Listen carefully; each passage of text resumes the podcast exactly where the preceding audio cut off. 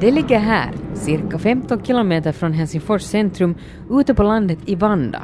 Inte alls långt ifrån Helsingfors Vanda flygfält, vilket snabbt märks då jag stiger ur bilen. Ett efter ett stiger planen över himlen och ger sig av till mer eller mindre exotiska destinationer. Och egentligen är verksamheten i den här mörkglasade byggnaden intill flygfältet minst lika internationell. Här tillverkas bruksmynt för många olika valutasystem och härifrån går långtradare med mynt till kontinenter som Sydamerika, Asien, Afrika. Faktiskt så exporteras det mesta som görs här, hela 98 procent. Säkerhetsarrangemangen påminner faktiskt också lite om flygfältet.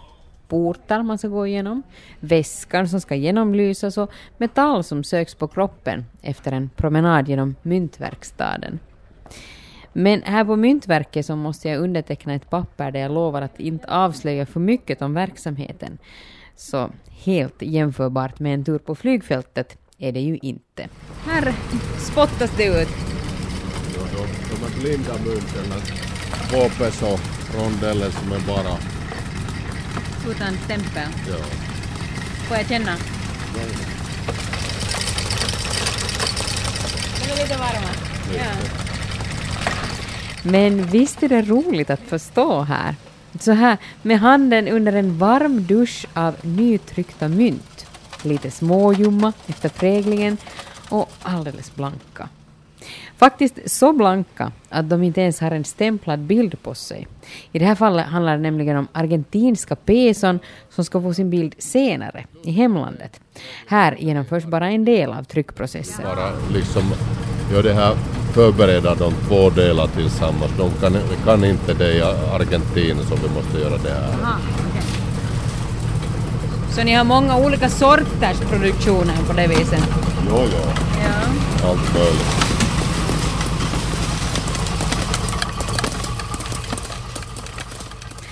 Plötsligt kan jag faktiskt förstå idén med Joakim von Ankas penningbad. Det finns någonting lite lockande med alldeles blänkande mynt. Det är som smycken och alldeles rena. Men vi ska återkomma till hur man gör pengar. Först ska vi sitta ner en stund med Myntverkets VD Paul Gustafsson.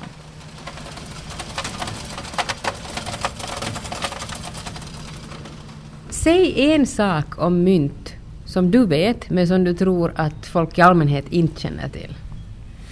Nå, en ganska viktig sak äh, om mynt som jag vet och inte kanske många vet är att, att, äh, att använda mynt är jättemycket billigare ett, än att använda sedel. Därför att äh, tar vi fem euro sedeln till exempel i Finland, den lever kanske ett år eller något sånt. Men äh, tar man två euro mynt, det lever kanske 30 år. Så när man tänker på den här livslängden av produkten, det är mycket, mycket lättare för uh, världen än en sedel. Hurdant är ett bra gjort mynt? Uh, det är en svår fråga. Det, det alla kunder har sina krav och specifikationer som vi uh, liksom måste följa när vi producerar produkter. Och, och när vi har gjort det och, och gör det ekonomiskt och miljövänligt, jag, jag tror det, det är en bra mynt. No, viss storlek och viss vikt och viss färg, det, det beror på att uh, hurdan uh, myntserie man har i, i, när, som man liksom hanterar. Att I olika länder det, det är olika slags myntserier som består av 1, 2, 5 och, och så vidare. Mm. Och man kan liksom inte betrakta ett mynt från, från serie och, och säga att, att äh, det är en bra mynt och det är en dålig mynt. Man måste titta på hela serien, att det liksom äh, funkar och, folk tycker om det. Och, och, ja.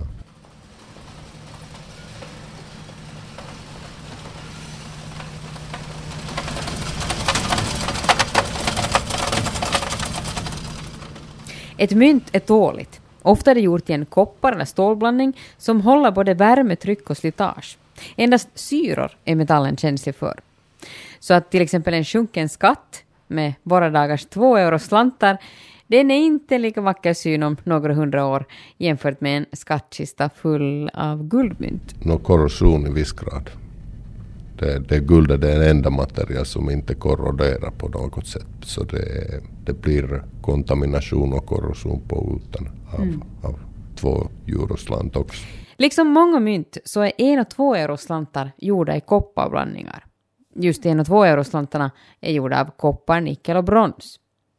Andra metaller som används ofta är zink och aluminium som ger guldfärg, tenn som ger brons och nickel som ger mynten silverfärg. Men även om mynten klarar hårda förhållanden så slits de nog så småningom ändå i vanligt bruk.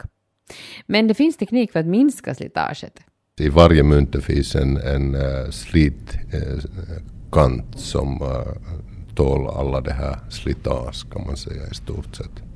När man till, går till uh, Stockholm kan man hitta mynt som är från 1980 och 1970, en krona mynt och de ser ganska bra ut fortfarande. Så det, det vet vi att det tar jättelänge innan, innan du ser några allvarliga märk av slitage. Mm.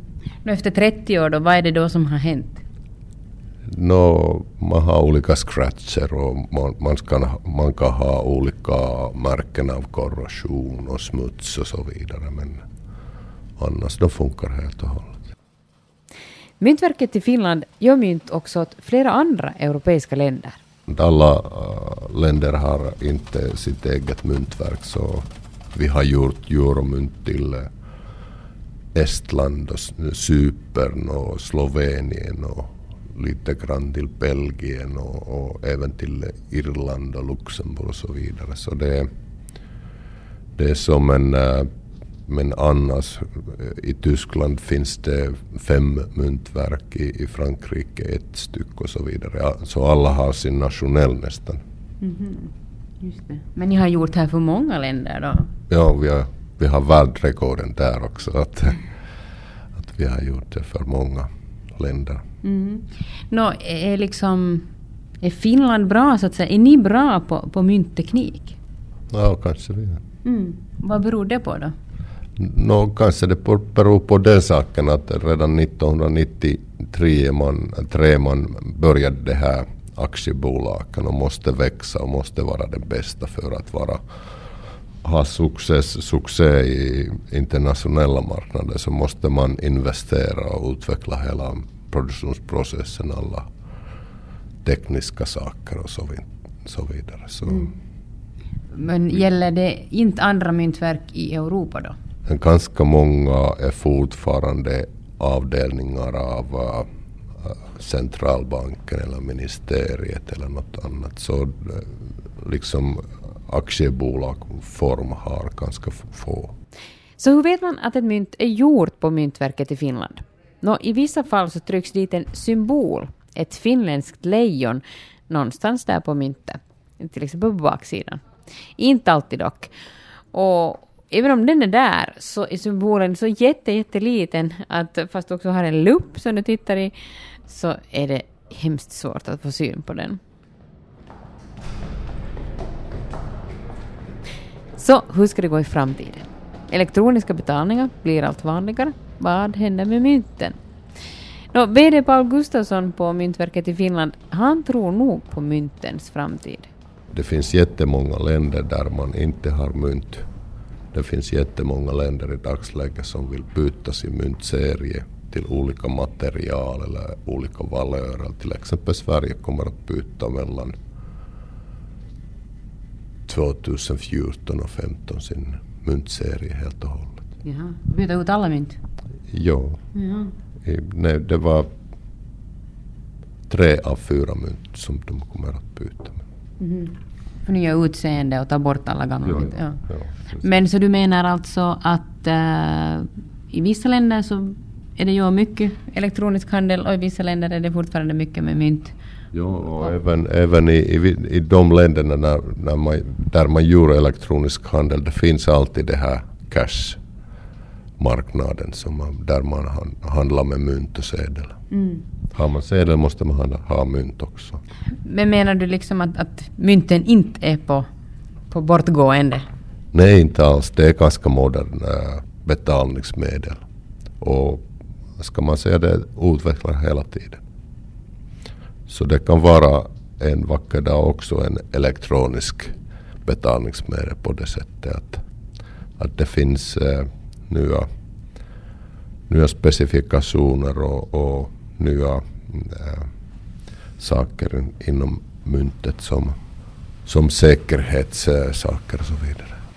Ja, där kommer vi in på det som nämndes innan inslaget, om två euro slantar som har speciella egenskaper i sina metallblandningar och som därför kanske kan komma att användas elektroniskt så att säga.